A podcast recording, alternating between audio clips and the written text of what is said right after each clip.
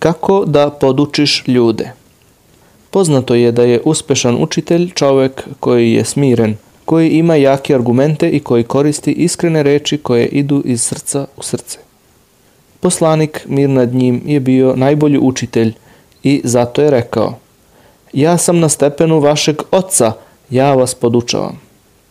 Jedan od primjera kako je poslanik mir nad njim podučavao jeste predaja od Enesa ibn Malika koji kaže Sedeli smo u džamiji, pa je ušao neki beduin, stanovnik pustinje, i počeo mokriti. Kada su to videli ashabi, sledbenici, kazali su Stani, stani, a u drugoj predaji stoji pa su ga ljudi pokušali od toga odvratiti, a poslanik im je kazao ne prekidajte ga, jer će mu to naštetiti. Oni su ga pustili dok nije završio.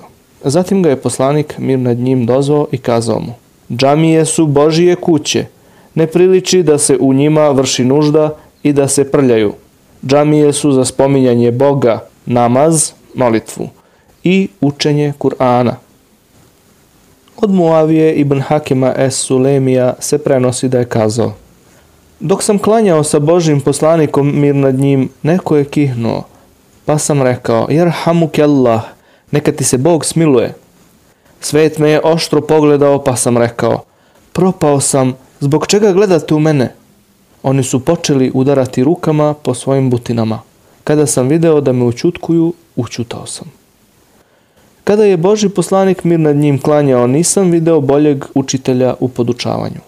Tako mi Boga nije me ljutito pogledao, niti me je udario, niti uvredio, nego je rekao U namazu nije dozvoljeno ništa od ljudskog govora. On je sastavljen od slavljenja i veličanja Boga i učenja Kur'ana. Poslanik bi nekada koristio dijalog služeći se razumskim argumentima kada bi hteo da uveri nekoga u nešto ili da ga poduči. Tako se od Ebu Umame prenosi. Došao je jedan mladić verovesniku mir nad njim i rekao mu Boži poslaniče, dopusti mi da učinim blud. Narod se okupio oko njega negodujući, kritikujući ga. Poslanik mir nad njim je rekao Približite ga. Kada je došao blizu, rekao mu je Sedi. On je seo, a onda ga je poslanik mir nad njim upitao Da li bi voleo da neko učini blud sa tvojom majkom? Rekao je, ne, tako mi Boga, Boži poslaniče. Verovesnik mir nad njim mu je rekao, ni drugi ne vole da se to učini njihovim majkama.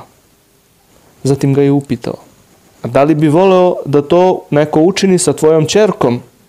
Odgovorio je, ne, tako mi Boga, Boži poslaniče. Rekao je, ni drugi ne vole da se to desi njihovim čerkama. Ponovo je upitao, da li bi voleo da se to desi tvojoj sestri? Mladić je odgovorio, ne, tako mi Boga, Boži poslaniče. Rekao je, ni drugi ne vole da se to desi njihovim sestrama.